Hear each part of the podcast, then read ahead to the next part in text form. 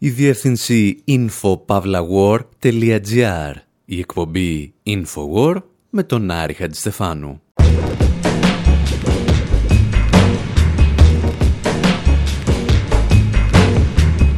όπου σήμερα αλλά και για την επόμενη εκπομπή κάνουμε την ανασκόπηση του 2017 με τη ματιά του Infowar.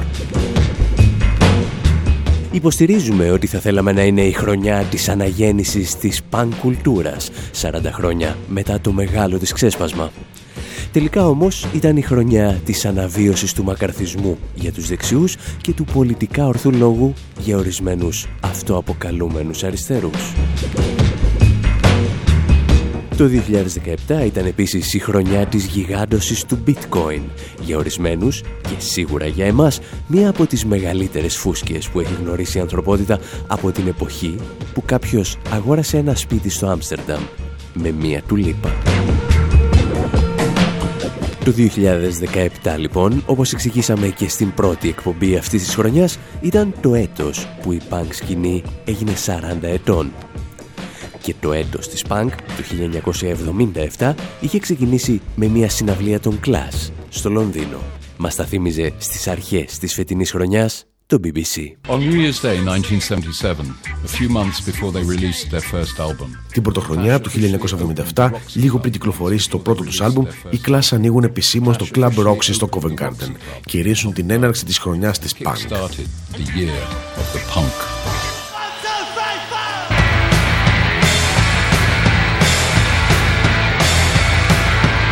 Offered me the office, offered me the shop. They said I better take anything they got. Do you wanna make tea at the BBC? You wanna be? Do you really wanna be a car? Got real opportunities, the one I never not. Every job they offer used to keep you at the dock. Real opportunities, the ones that never the only, I hate the RAF. I don't wanna die fighting in a full clerk straight. I hate civil service rules. I want token letterbox for you. Got real opportunity, the one that never not. Every job they offer used to keep you at the door. Career opportunity, the one that never Εκείνο το βράδυ οι Class τραγουδούν και το Career Opportunities. Μου πρότειναν λέει μια δουλειά σε γραφείο και μια δουλειά σε μαγαζί. Μου είπαν να πάρω ό,τι και αν μου δώσουν. Θέλεις όμως πραγματικά να σερβίρεις τσάι στο BBC. Θέλεις πραγματικά να γίνεις μπάτσος;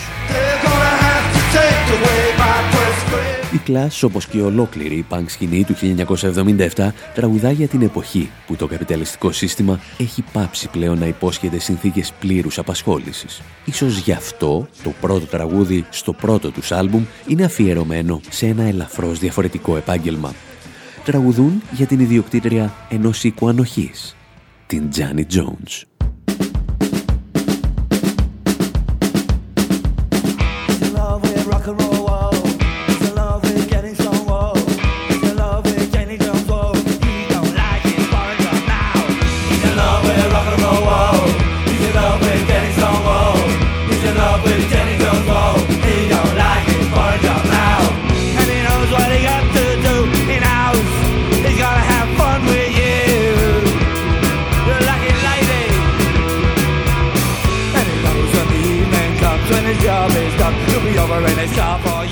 Οι Clash λοιπόν μπορεί να άνοιξαν την χρονιά της punk πριν από 40 χρόνια, αλλά ήταν οι Ramones αυτοί που πέρασαν στην αντεπίθεση παρουσιάζοντας δύο άλμπουμ μέσα στο 1977.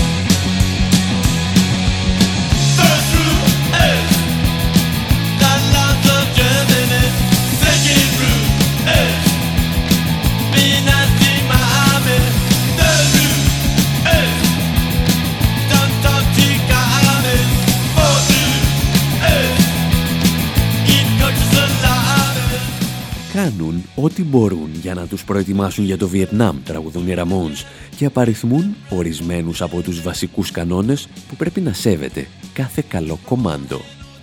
Κυρίως να είναι ευγενικό με τη μαμά του και να μην μιλά ποτέ σε κομμουνιστές.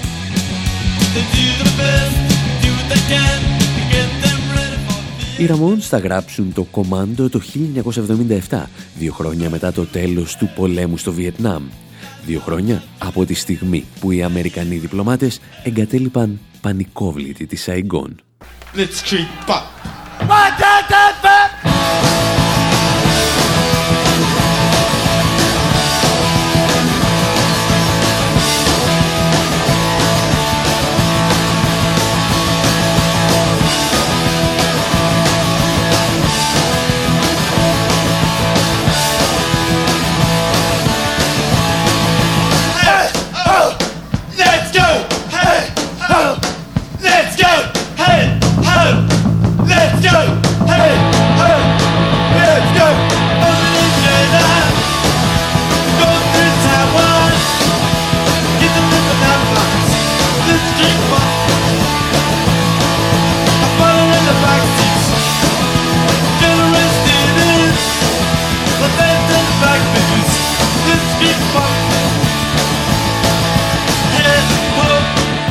Οι Ramones πάντως που εδώ τους ακούμε σε ζωντανή ηχογράφηση του 1977 δεν ανήκαν σε καμία περίπτωση στο μέτωπο της λογικής.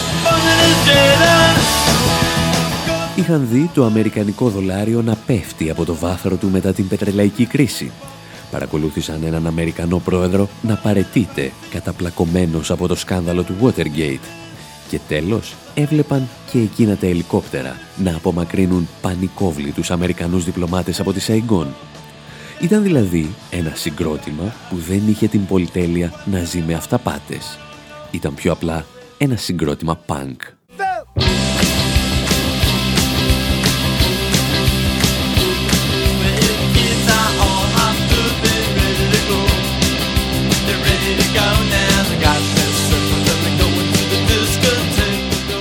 Φυσικά η επέτειος των 40 χρόνων από το αποκορύφωμα της Punk δεν θα μπορούσε να παραλείψει τους Sex Pistols.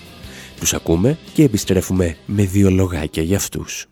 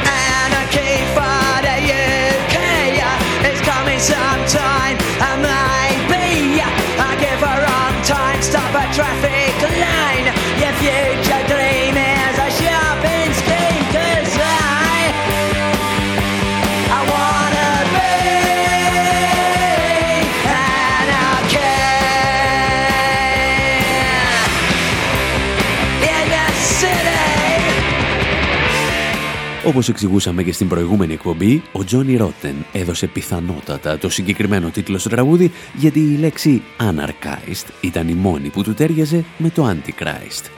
Πολύ μικρή σχέση είχε δηλαδή με την αναρχία. Σε κάθε περίπτωση, το τραγούδι είναι ίσως το πλέον πολιτικοποιημένο δημιούργημα των Sex Pistols, αφού αναφέρεται σε εμφύλιους πολέμους και συγκεκριμένα στον εμφύλιο της Αγκόλας και το λαϊκό κίνημα για την απελευθέρωση της Αγκόλας. Αναφέρεται όμως επίσης και στον Ιρλανδικό Δημοκρατικό Στρατό. Είναι σχεδόν βέβαιο ότι οι Sex Pistols το 1977 ζουν την πιο επιτυχημένη αλλά και την πιο δύσκολη χρονιά της ιστορίας τους. Δύο δισκογραφικές εταιρείες τους έχουν πετάξει ήδη κλωτσιδών από τα γραφεία τους και οι συναυλίες τους έχουν απαγορευτεί στις περισσότερες περιοχές της Αγγλίας. Και ένας δίσκος με τη λέξη Bollocks στο εξώφυλλο δεν βοηθάει καθόλου την κατάστασή τους.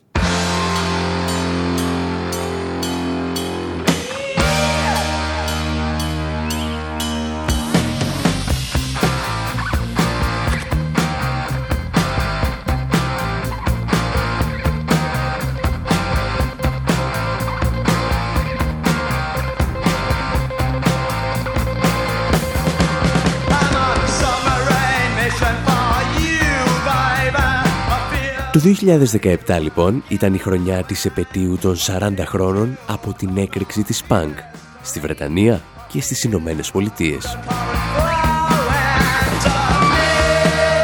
Όσοι πίστευαν όμως ότι οι ανάλογες συνθήκες κρίσης θα δημιουργούσαν ανάλογες αντιστάσεις στον πολιτισμό αλλά και στους δρόμους, απογοητεύτηκαν νικτρά από το έτος 2017. Γιατί αν χαρακτήρισε κάτι τη συγκεκριμένη χρονιά ήταν η παράδοση της φιλελεύθερης δύσης στον πολιτικά ορθολόγο. Ένας λόγος που σαν μοναδικό στόχο είχε να κρύψει τις ταξικές αντιθέσεις στην κοινωνία.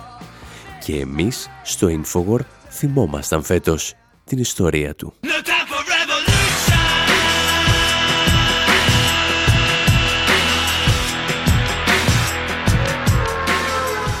Τον Φάλκο, τον οποίο ακούμε εδώ να υποστηρίζει ότι δεν υπάρχει χρόνος για επανάσταση, μάλλον τον θυμάστε μόνο από το τραγούδι του «Rock Me Amadeus». Amadeus, Amadeus. Εδώ πάντως ξεκινά μιλώντας για τη δεκαετία του 60, που ο κόσμος έδινε μάχες για τα όνειρά του.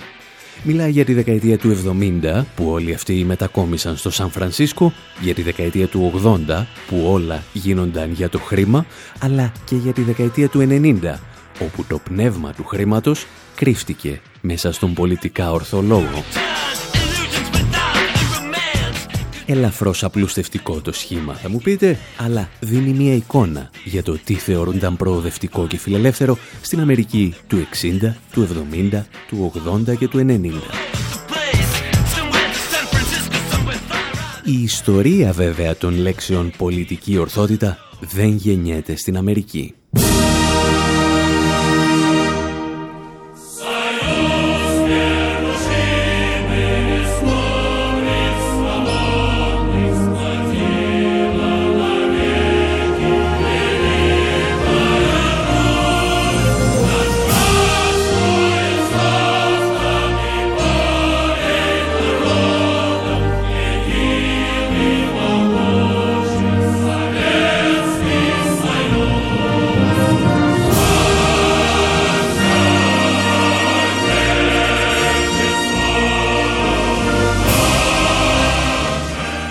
Ορισμένοι εντοπίζουν αναφορές στην πολιτική ορθότητα ακόμη και στον Πλάτωνα ή σε κείμενα Αμερικανών δικαστών του 1793, κρίνουμε σκόπιμο να ξεκινήσουμε την ιστορία μας από τα μέσα του 20ου αιώνα. Στη σκοτεινή περίοδο του σταλινισμού, η πολιτική ορθότητα αφορούσε την πιστή υποταγή στις οδηγίες της Κεντρικής Επιτροπής του Κόμματος. Οδηγίες που καμία σχέση δεν είχαν με την πραγματικότητα και πολύ περισσότερο με τη Ρωσική Επανάσταση.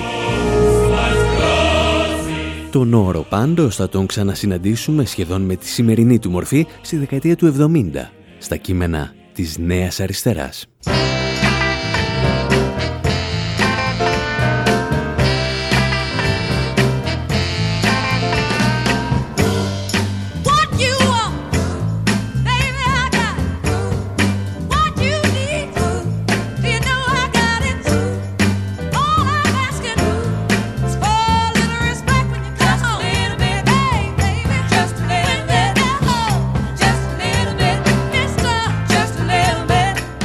Καθώς το κίνημα των μαύρων αλλά και το κίνημα των ΛΟΑΤ διεκδικούν τον σεβασμό που δικαιούνται, οι λέξεις έχουν σημασία γιατί αντικατοπτρίζουν μια κοινωνική πραγματικότητα, μια κοινωνική επανάσταση. Ήδη βέβαια από τη δεκαετία του 70 η πολιτική ορθότητα αποκτά και ηρωνική σημασία. Το φεμινιστικό κίνημα την χρησιμοποιεί για να αυτοσαρκάσει τη δική του υπερορθοδοξία και τις ακρότητες ορισμένων μελών του. Και ύστερα έρχεται ο νεοφιλελευθερισμός της δεκαετίας του 80. Κάποιοι επιχειρούν να μας πείσουν ότι δεν αλλάζει η κοινωνική πραγματικότητα τη γλώσσα, αλλά η γλώσσα μπορεί να επηρεάσει την κοινωνική πραγματικότητα. Σημασία, λένε, δεν έχουν οι συλλογικές δράσεις, αλλά οι ατομικές. Εάν εσύ αλλάξεις τον εαυτό σου, όλα τα προβλήματα της κοινωνίας θα λυθούν ως διαμαγείας. Η φιλελεύθερη Αμερική πιστεύει πλέον ότι αν σταματήσεις να αποκαλείς έναν μαύρο νέγρο θα βελτιωθούν οι όροι διαβίωσης στα γκέτο. Αν σταματήσεις να λες καθυστερημένο ένα φτωχό παιδί με προβλήματα νοητικής ανάπτυξης θα αυξηθούν τα κονδύλια για τις δομές ψυχικής υγείας. Και αν τέλος τα πρεζόνια γίνουν τοξικό εξαρτημένα άτομα, οι αιτίες που οδηγούν στη χρήση ναρκωτικών θα εξαφανιστούν. Και κάπου εκεί ξεκινά ένας παραλογισμός που θα έκανε τον Κάφκα να μας κοιτάζει με δέος και φόβο.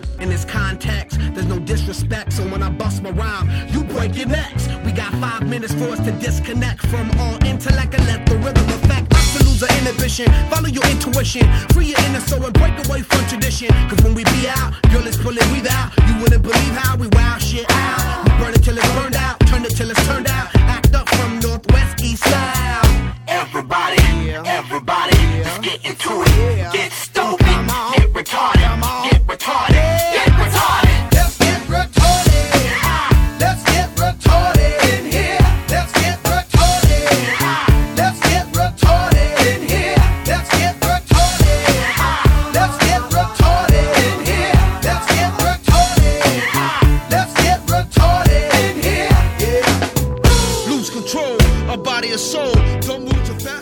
Εκπομπή Infowar με τον Άρη Χατζηστεφάνου συζητάμε για τον πολιτικά ορθολόγο.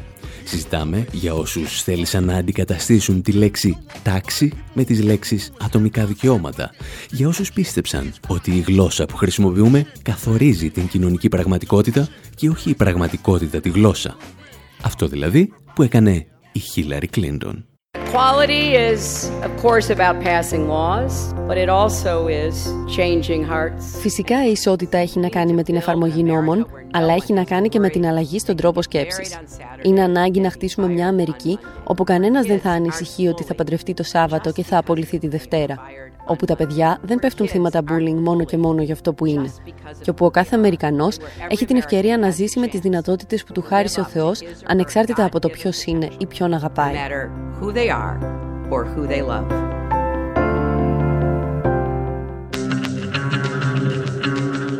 Το πρόβλημα φυσικά εδώ δεν είναι ότι η Κλίντον έχει άδικο σε αυτό που λέει. Το πρόβλημα είναι ότι δεν είπε τίποτα άλλο. Όπως εξηγούσε ο Αμερικανός κοινωνιολόγος Άντολφ Ρίντ, αν αφαιρέσεις τις τάξεις από την ανάλυση σου, αυτό που απομένει είναι ένας αριστερός νεοφιλελευθερισμός. Δεν σε ενδιαφέρει εάν το 1% του πληθυσμού ελέγχει το 90% του πλούτου.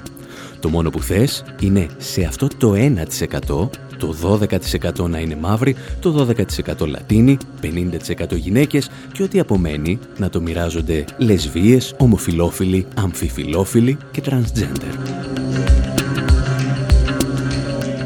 Η αμερικανική κοινωνία όμως, ακόμη και αν ανήκε σε αυτές τις ομάδες, δεν ενδιαφερόταν για τη σύσταση του 1%, αλλά για το τι θα γίνει με το 99%. Η μάχη στις εκλογές ήταν ταξική αλλά με ένα στρεβλό τρόπο. Ο Τραμπ και ο Σάντερς υπόσχονταν να δώσουν τη μάχη για οικονομική δικαιοσύνη. Ο πρώτος το έλεγε για να μαζέψει ψήφους και ο δεύτερος γιατί το εννοούσε.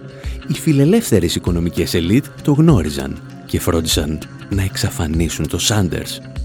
Πιάνοντας τη μύτη τους από αιδεία, έδωσαν τη νίκη στον Τραμπ. Περίπου δηλαδή ότι είχε κάνει και η οικονομική ελίτ της Γερμανίας στα τελευταία χρόνια της δημοκρατίας της Βαϊμάρης.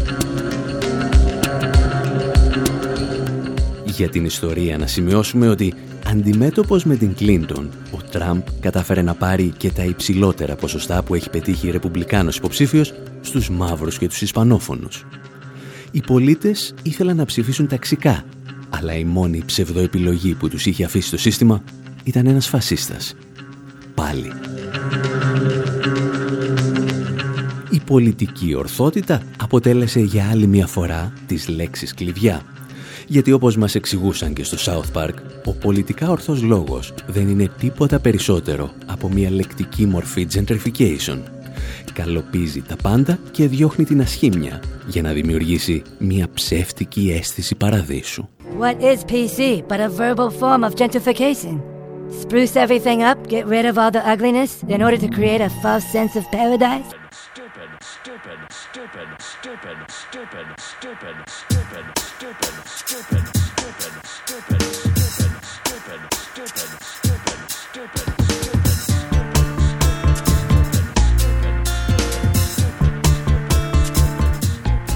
Το 2017 λοιπόν ήταν κατά την άποψη αυτής εδώ της εκπομπής η χρονιά που ο πολιτικά ορθός λόγος παρουσιάστηκε σαν απάντηση στο νέο φασισμό του Τραμπ και φυσικά κατατροπώθηκε γιατί δεν ήταν και αυτός τίποτα περισσότερο από ένα εργαλείο του ίδιου συστήματος για όσους νομίζουν ότι διαφέρουν από το κτίνος.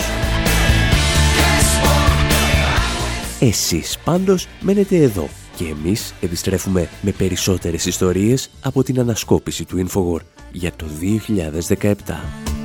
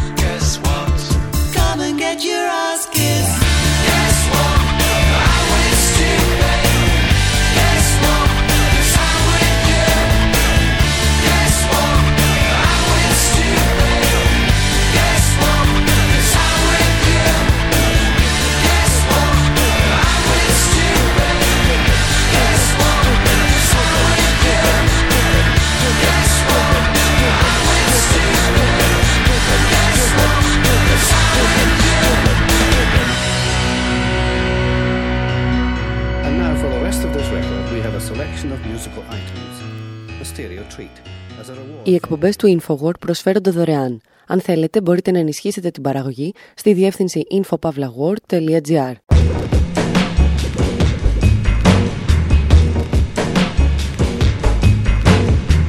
Η εκπομπή InfoWord με τον Άρη Χατζηστεφάνου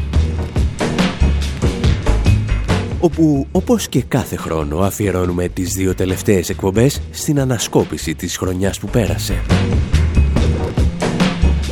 Δεν επιχειρούμε να θυμηθούμε τα γεγονότα, αλλά τις τάσεις της διεθνούς πραγματικότητας που καθορίζουν όσα συνέβησαν στον πλανήτη μας.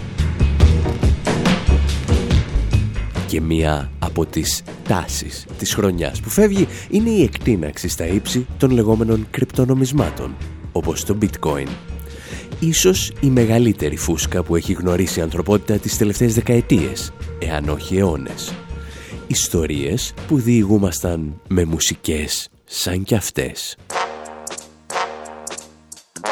Yeah. Uh-huh. We on some next shit with this. Hey yo, fuck your shoebox money. You buying whips with cryptocurrency right now. Uh, yeah. Tyler Durden, make them holler murder. Take them to the highest point of the earth, no need to follow further. The shit is universal, no time to do rehearsal. I never take a break, that shit is too commercial. I wasn't raised different, I was made different. Flow don't fuck around like it was raised Christian. Antisocial with these kids, we don't play with them. We just keep a small circle and we stay lifted. I need monopoly bread. Told if it ain't sex, then it gotta be head. So you got some candles, I prefer the sloppy instead. Ο Grammatic, ένας Σλοβαίνος ράπερ που περνά τον περισσότερο χρόνο του στη Νέα Υόρκη, αφιερώνει ένα τραγούδι του στον Σατόση Νακαμότο, για τον οποίο δεν γνωρίζουμε εάν είναι άντρας, γυναίκα, ένας ή πολύ, αληθινό όνομα ή ψευδόνυμο. Το μόνο που γνωρίζουμε είναι ότι σε αυτόν αποδίδεται η δημιουργία του bitcoin, του ψηφιακού νομίσματος που τα τελευταία χρόνια έχει κλέψει τις καρδιές των ακραίων νεοφιλελεύθερων και ορισμένων αριστερών που δεν καταλαβαίνουν ότι είναι φιλελεύθεροι meltdown. The American financial system is rocked to its foundation. The giant bank crumbles, stocks plummet. Nightmare on Wall Street. AIG fights for its life. Blood on the floor. Το bitcoin θα κάνει την εμφάνισή του μετά την παρολίγων ολοκληρωτική κατάρρευση του χρηματοπιστωτικού συστήματος το 2008 τότε που ορισμένοι προσπαθούσαν να μας πείσουν ότι δεν έφταιγαν οι δομικές αδυναμίες του καπιταλισμού, αλλά η ανηθικότητα ορισμένων τραπεζιτών, οι παρεμβάσεις των κυβερνήσεων και οι κεντρικές τράπεζες. It's November the 2nd, 2008, just six weeks after the Lehman Brothers collapse. Είναι 2 Νοεμβρίου 2008, μόλις έξι εβδομάδες μετά την κατάρρευση της Lehman Brothers και σε όλο τον κόσμο γίνονται συζητήσεις για το πώς θα σωθούν οι τράπεζες. Εκείνη την περίοδο, σε ένα μικρό ηλεκτρονικό έντυπο για κρυπτογράφους, εμφανίζεται ένα ντοκουμέντο όπου προτείνεται ένα εντελώς νέο νομισματικό σύστημα. Ο συγγραφέας υπογράφει ως Σατώση Νακαμότο.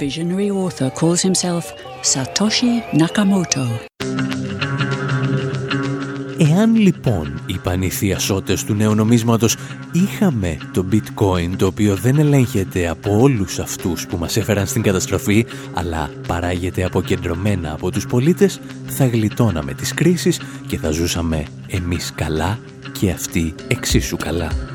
Και έτσι κάποιοι άρχισαν να αναζητούν το δικό τους Ελντοράντο στο δημιούργημα του Σατώση Νακαμότο. And there's plenty of room for all. Satoshi Nakamoto, that's a name I love to say. And we don't know much about him, but he came to save the day. When he wrote about the way things are and the way things ought to be, he gave us all a protocol this world had never seen. Oh, Bitcoin, as you're going into the old blockchain. Oh, Bitcoin, I know you're going to rain, gonna rain. Till everybody knows, everybody knows, till everybody knows your name. Έκτοτε η αξία του bitcoin ανεβαίνει με ασύλληπτους ρυθμούς, αν και κατά διαστήματα καταποντίζεται σαν roller coaster. Μόνο τον τελευταίο χρόνο η αξία του bitcoin αυξήθηκε κατά 718%, αγγίζοντας τα 5.000 δολάρια. Και τότε, ορισμένοι οικονομολόγοι όπως ο νομπελίστας Ρόμπερτ Σίλερ είπαν το αυτονόητο, ότι το bitcoin είναι μια φούσκα, έτοιμη να σκάσει.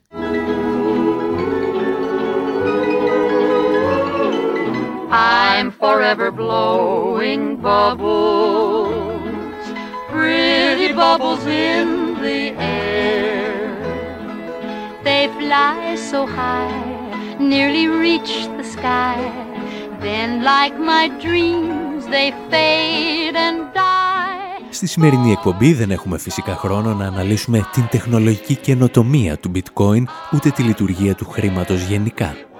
Όλα αυτά μπορείτε να τα βρείτε στην ιστοσελίδα μας info.pavlawar.gr Θέλουμε όμως, πριν περάσουμε σε άλλες φούσκες της ιστορίας, να ακούσουμε μία ατάκα μερικών δευτερολέπτων του Πολ Κρούγμαν, που εξηγεί γιατί το bitcoin είναι μία ακόμη μεγαλειώδης φούσκα. Τα νομίσματα καλύπτονται από ανθρώπους με όπλα, ενώ το bitcoin όχι. Γιατί λοιπόν αυτό το πράγμα να έχει οποιαδήποτε αξία;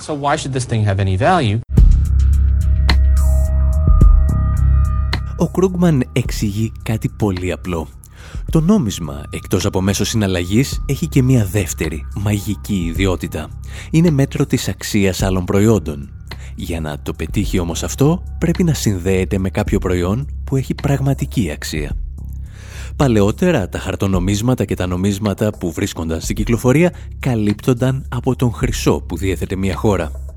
Επειδή αυτό δεν βόλευε, την αξία του νομίσματος άρχισαν σταδιακά και με διάφορα συστήματα να την εγγυώνται τα κράτη, ανάλογα με την ισχύ της εθνικής τους οικονομίας. Σε κάποιες περιπτώσεις μάλιστα, όταν η οικονομική τους ισχύ κατέρεε σε σχέση με άλλες χώρες, μπορούσαν για ένα διάστημα να εγγυώνται την αξία του χαρτονομίσματός τους με τα όπλα τους. Αυτό δηλαδή που κάνουν οι Ηνωμένες Πολιτείες σήμερα. Το bitcoin όμως δεν έχει καμία τέτοια κάλυψη. Η αξία του καθορίζεται αποκλειστικά από τις κινήσεις κερδοσκόπων. Κάποιοι σήμερα πλουτίζουν και κάποιοι αύριο θα κλαίνε. Και αυτή είναι με πολύ απλουστευτικό τρόπο η βασική αρχή κάθε οικονομικής φούσκας.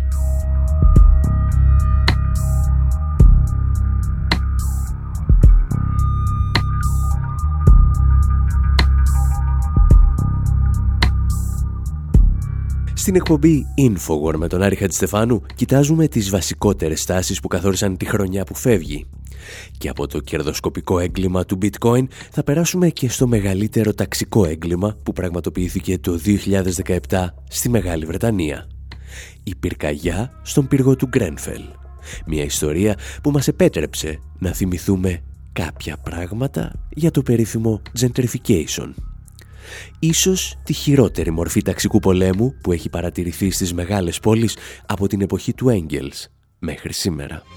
Let me welcome both of you uh, to the show this morning to talk about what I consider to be a very, very important topic, uh, the Harlem Renaissance. But before we get into that, Harlem once was red line district rated, designated ghetto like the Yellow Star of David, and you wonder why people don't own their homes, cause the racist bank wouldn't f***ing mortgage a loan. Harlem once was red line district rated, designated ghetto like the Yellow Star of David, and you wonder why people don't own their homes, cause the racist bank wouldn't f***ing mortgage a loan. Harlem once was red line district rated, designated ghetto like the Yellow Star of David, and you wonder why people don't own their homes, cause the racist bank wouldn't f***ing mortgage a loan until after the invasion of gentrification, eminent domain intimidation. That's not negotiation, and it's frustrating to look at every day, like watching a on 56k biohazard labs instead of storerooms. What's next? Ο Immortal Technique, ίσως ο πιο πολιτικοποιημένος καλλιτέχνης της hip-hop σκηνής των τελευταίων δεκαετιών, περιγράφει μία εισβολή βαρβάρων στο Χάρλεμ. Παλιά, λέει, είχαν τραβήξει στο Χάρλεμ μια κόκκινη γραμμή στο χάρτη. Πρόκειται για έκφραση που χρησιμοποιείται για περιοχές στις οποίες οι τράπεζες αποφασίζουν να μην παρέχουν δάνεια. Το αποτέλεσμα ήταν ότι κανένας από τους φτωχούς μαύρους κατοίκους δεν είχε τη δυνατότητα να αποκτήσει δικό του σπίτι στο Χάρλεμ. Μέχρι τη στιγμή, συνεχίζει ο Immortal Technique, που ήρθε το gentrification και ξεκίνησε αυτό που ο ίδιος αποκαλεί εθνοκάθαρση. Σαν να προσπαθείς, λέει, να προκαλέσεις πρόωρη εμεινόπαυση στην Παναγία. Και επειδή προφανώς η παρομοίωση δεν βοηθά κανέναν μας να καταλάβει περί τίνος πρόκειται, να σας θυμίσουμε ότι gentrification ονομάζεται η ανάπλαση ή ο καλοπισμός μιας γειτονιάς, ο οποίος επιτυγχάνεται με την άφηξη πλούσιων ενίκων. Μόνο που για να έρθουν οι πλούσιοι πρέπει να φύγουν οι φτωχοί. Και αυτό ονομάζεται από ορισμένους, συμπεριλαμβανομένου του Immortal Technique, ταξική εθνοκάθαρση. Σύμφωνα με ένα μύθο, τον οποίο θα μπορούσαμε να ονομάσουμε και αστικό, το gentrification ξεκινά όταν ορισμένοι καλλιτέχνες και hipster μετακομίζουν σε μια φτωχογειτονιά, την οποία σταδιακά μετατρέπουν σε εναλλακτικό κέντρο πολιτισμού. Όταν η γειτονιά γεμίζει πλέον από δάφτους, οι εταιρείες του real estate μυρίζονται κέρδος και οι τιμές των ακινήτων στην περιοχή αρχίζουν να ανεβαίνουν, με αποτέλεσμα οι παλιοί φτωχοί κάτοικοι να πρέπει να αποχωρήσουν. Αυτή όμως είναι η αθώα εκδοχή του gentrification. Είναι τόσο αθώα όσο να υποστηρίζεις ότι οι πρώτοι Ισπανοί έπικοι έφτασαν στην Αμερική γιατί τους άρεσε η θέα και οι ντόπιοι απομακρύνθηκαν ήσυχα για να τους αφήσουν να απολαύσουν την περιοχή. Και έτσι έχεις μόλις ξεπλύνει τη μεγαλύτερη γενοκτονία στην ιστορία της ανθρωπότητας. Εμείς πάλι θα προσπαθήσουμε να εξηγήσουμε ότι το gentrification είναι μια μορφή αδυσόπιτης ταξικής βίας οι πλούσιοι χρησιμοποιούν τα όργανα του κράτους και κατευθύνουν με τέτοιο τρόπο τις δυνάμεις της αγοράς ώστε να απομακρύνουν ή να εξοντώσουν τους φτωχούς. Και παρεπιπτόντος αυτό πιστεύουμε ότι έκαναν και στην περίπτωση του πύργου του Γκρένφελ στο Λονδίνο. Η ιστορία μας όμως είναι παλιά και μας φέρνει πίσω στα 1872.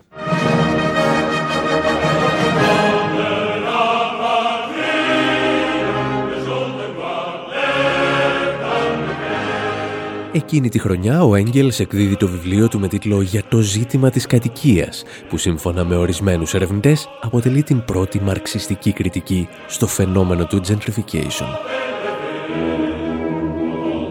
Ο Έγγελς εξηγούσε πως το γαλλικό κράτος του Βοναπάρτη έφτιαχνε μεγάλες λεωφόρους με πολυτελή καταστήματα και κατοικίες μέσα στις πιο πυκνοκατοικημένες εργατικές γειτονιές. Με τον τρόπο αυτό, σημείωνε ο Έγγελς, όχι μόνο γίνονταν πιο δύσκολο να στείνονται χαρακόμματα στο κέντρο μιας πόλης, αλλά δημιουργούνταν θύλακες πολυτελούς διαβίωσης σε όποιο σημείο το επιθυμούσε η αστική τάξη. Οι τρύπες και τα κελάρια, όπου καταχωνιάζει τους εργάτες στο καπιταλιστικό σύστημα παραγωγής, συνέχιζε ο Έγγελς, δεν καταργούνται. Απλώς μετακομίζουν. Για να πετύχει αυτή τη μετακόμιση και να διώξει τους στοχούς, η αστική τάξη έπρεπε να χρησιμοποιήσει τρομακτικές ποσότητες φυσικής βίας. Η μαγεία του σύγχρονου καπιταλισμού όμως είναι ότι με τα χρόνια έμαθε να κρύβει τη φυσική βία κάτω από το χαλί. Και έτσι το gentrification παρουσιαζόταν σαν μια απόλυτα λογική εξέλιξη την οποία καθόριζε το αόρατο χέρι της αγοράς. Parce que j'ai pas la gueule de l'emploi, on me traite de racaille pendant que Sarko fixe son salaire, le peuple français crève la dalle. Οι πρώτες μορφές gentrification με τη μορφή που το γνωρίζουμε σήμερα δεν ξεκινούν βέβαια στην Ευρώπη, αλλά στην Αμερική του 1968. Τότε που οι τηλεοπτικοί σταθμοί διέκοπταν το πρόγραμμά τους για να μεταδώσουν την είδηση της δολοφονίας του Μάρτιν Λούθερ Κίνγκ. Direct from our newsroom in Washington, in color, this is the CBS Evening News with Walter Cronkite. Good evening. Dr. Martin Luther King, the apostle of nonviolence in the civil rights movement, Σχεδόν με το άκουσμα της είδησης ξεσπούν ταραχές σε δεκάδες πόλεις των Ηνωμένων Πολιτειών. Ολόκληρα οικοδομικά τετράγωνα μετατρέπονται σε πεδία μάχης μεταξύ αγανακτισμένων μαύρων και ισχυρών δυνάμεων της αστυνομίας αλλά και της εθνοφρουράς. Rioting broke out in more than 100 cities. 20,000 army regulars. Ταραχές ξέσπασαν σε τουλάχιστον 100 πόλεις των Ηνωμένων Πολιτειών. 20.000 στρατιώτες και 34.000 εθνοφρουροί κινητοποιήθηκαν. Στο Σικάγο, ο δήμαρχος της πόλης έδωσε στην αστυνομία την εντολή να πυροβολεί και να σκοτώνει όσους δεν υπακούν. Σε ολόκληρη τη χώρα σκοτώθηκαν 46 άνθρωποι. Ο Μάρτιν Λούθερ Κίνγκ ήταν νεκρός και η Αμερική καιγόταν. Martin Luther King was dead. America was burning. Στην Ουάσιγκτον και σε άλλες πόλεις, τα δεκάδες καμένα κτίρια και ο διαρκής φόβος νέων συγκρούσεων σε περιοχές μαύρων οδήγησαν σε κατάρρευση των τιμών των ακινήτων. Έτσι, μεγάλες εταιρείες real estate μπορούσαν να αγοράσουν μαζικά ολόκληρες γειτονιές και να τις αναπλάθουν για να στεγάσουν πλουσιότερα στρώματα της κοινωνίας. Στο πέρασμα των χρόνων, τα γραφεία των real estate θα βρουν αρκετούς ακόμη τρόπους για να ρίχνουν τις τιμές σε συγκεκριμένες γειτονιές που θέλουν να αγοράσουν. Μερικές φορές αρκούσε να μιλήσεις στον δήμαρχο και τον αρχηγό της αστυνομίας και να τους εξηγήσεις ότι είναι προς το συμφέρον τους να αφήσουν την εγκληματικότητα να γιγαντωθεί σε μια περιοχή για ένα συγκεκριμένο χρονικό διάστημα. Και κάπως έτσι ξεκινά μια σύγχρονη μορφή ταξικού πολέμου. Για να συνεχίσουμε όμως την ιστορία θα χρειαστούμε τη βοήθεια του Αμερικανού ράπερ Moors να μας τραγουδήσει G is for Gentrify. G is for gentrify. Another beautiful day in mid-city LA. They rolled up and talked him as he walked away. Cold game. Man down, now all the neighbors stand around with their cameras out. Red team versus blue team. In over 30 years, it ain't a new thing. Another gunshot, another nigga dies. Don't y'all know we got a lot bigger fish to fry? Up north, they just lynched Willie Sims. How come y'all niggas ain't trying to get them? Let somebody try to come and take your rims. You gon' call the homies and pull out the MAC 10s. I don't understand y'all dudes. White people see it on the news and they confused. While you choose to make war in this bitch, they invest, by land, and get rich. They moved out, we moved in. Like fuck y'all niggas, no new friends. When they move back, we gotta move out. Now it's seven figures for a new house. Walk they dogs with nose in the sky. Tensions build, the temperature rise. We ask why the rent is so high. G E N T R I F Y. Hey, say man. Hey, hey, could you Ο Μούρς διηγείται τις ιστορίες φτωχών μαύρων που έφνης γίνονται ανεπιθύμητοι στις γειτονιές που γεννήθηκαν και μεγάλωσαν. Και μια τέτοια αληθινή ιστορία σκότωσε πριν από μερικά χρόνια έναν κάτοικο του Σαν Φρανσίσκο. Ο Αλεχάνδρο Νιέτο έδειχνε εξαντλημένος εκείνο το πρωινό της 21ης Μαρτίου του 2014 στο πάρκο του Μπέρναλ Χίλ, στο Σαν Φρανσίσκο. Είχε μόλις τελειώσει την νυχτερινή εργασία του σαν πορτιέρι σε ένα κλαμπ και έτρωγε μηχανικά ένα σάντουιτς. Λίγα μέτρα μακρύτερα, ο Evan Snow, ένας λευκός γραφίστας, έκανε το πρωινό του τζόκινγκ με το σκύλο του, ο οποίος μόλις είδε τον Αλεχάνδρο, του επιτέθηκε για να του φάει το σάντουιτς. Όταν ο σκουρόχρωμος Νιέτο απείλησε να χτυπήσει το σκυλί με ένα τέιζερ, αρκετοί λευκοί περίοικοι κάλεσαν την αστυνομία, λέγοντας ότι ένας ένοπλος κινείται ύποπτα στη γειτονιά τους. Δέκα λεπτά αργότερα, ο Αλεχάνδρο κοίτονταν νεκρός. Το κεφάλι του είχε πολτοποιηθεί από τις 14 σφαίρες που άδειασαν πάνω του τέσσερις αστυνομικοί. Ο Νιέτο είχε γεννηθεί και είχε μεγαλώσει σε εκείνη τη γειτονιά. Η μητέρα του ήταν καθαρίστρια και ο πατέρας του έκανε διάφορες δουλειές για να συντηρεί την οικογένειά του. Αυτοί πάλι που κάλεσαν την αστυνομία είχαν μετακομίσει μόλις πριν από μερικούς μήνες, όταν το Bernal Hill άρχισε να βιώνει το δικό του gentrification. Το πραγματικό πρόβλημά τους ήταν ότι ακόμη και η παρουσία του Νιέτο στην περιοχή δημιουργούσε φόβο και ο φόβος ρίχνει τις τιμές των ακινήτων. Για τους χίπστερ γείτονέ του, ο Νιέτο απειλούσε όχι το σπίτι τους, αλλά την επένδυση που είχαν κάνει στο διαμέρισμά τους. Κανένας δεν θα ήθελε βέβαια να πεθάνει, αλλά στην πραγματικότητα του άφηναν ελάχιστες πιθανότητες για να ζήσει. Περίπου δηλαδή ό,τι συνέβη και με τα θύματα του πύργου Γκρένφελ στο Λονδίνο. Yeah, I don't know where to begin, so I'll start by saying I refuse to forget you. I refuse to be silenced. I refuse to neglect you. That's for every lost soul up in Grenfell, even though I've never even met you. Cause that could have been my mom's house. Το τραγούδι που ακούμε αποτελεί μια διασκευή του Bridge Over Troubled Water που γράφτηκε για την τραγωδία του Γκρένφελ. Αυτό που δεν μας λέει όμως είναι ότι δεν πρόκειται για μια απλή τραγωδία αλλά για προμελετημένο έγκλημα.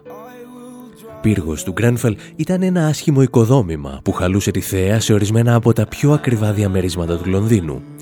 Η εταιρεία που τον διαχειριζόταν αποφάσισε να τον καλύψει με φτηνή πλαστική επένδυση, η οποία αποδείχθηκε και έφλεκτη. Τα εξηγούσε με περισσότερο εκνευρισμό και πάθος ο Άμερα Ανουάρ, πριτανής του Πανεπιστημίου της Γλασκόβης, μιλώντας στο Russia Today. Four of our ministers knew that these buildings were vulnerable to fire. The fact that millionaires... Τέσσερις υπουργοί γνώριζαν ότι το κτίριο αντιμετώπιζε κίνδυνο πυρκαγιάς. Οι κατημεριούχοι της περιοχής όμως θέλησαν να το καλύψουν μια πλαστική πρόσωψη ώστε να μην το βλέπουν και να πουλάνε τα πολυτελή διαμερίσματά τους. Μην έχετε αυταπάτες. Οι άνθρωποι πέθαναν στον πύργο του Γκρένφελ γιατί ήταν φτωχοί. People died in Grenfell Tower because they're poor. Η ιστορία του Γκρένφελ όμως δεν σταμάτησε με τη μυρκαγιά. Οι τοπικές αρχές αποφάσισαν να νοικιάσουν για τα θύματα 68 διαμερίσματα σε ένα μπλοκ πολυτελών κατοικιών του Κένσιγκτον.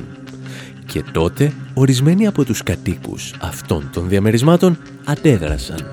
Καταλάβαιναν ότι αν έρχονταν να ζήσουν μαζί τους οι φτωχοί γείτονες, η αξία των διαμερισμάτων τους θα έπεφτε. Πληρώσαμε πολλά για να ζούμε εδώ και δουλέψαμε σκληρά γι' αυτό, είπε στον Guardian μία από τις ενίκους.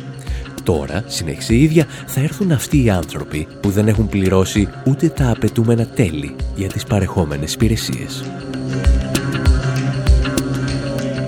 Αυτό που πραγματικά ήθελε να πει είναι τι άλλο πρέπει να πάθετε από το να καείτε ζωντανή για να σταματήσετε να βρωμίζετε με την ύπαρξή σας την όμορφη γειτονιά μας. Λόγος επαρκής, όπως θα έλεγε και ο Μάνος Χατζηδάκης, για να βάλεις φωτιά σε ολόκληρη την Αγγλία.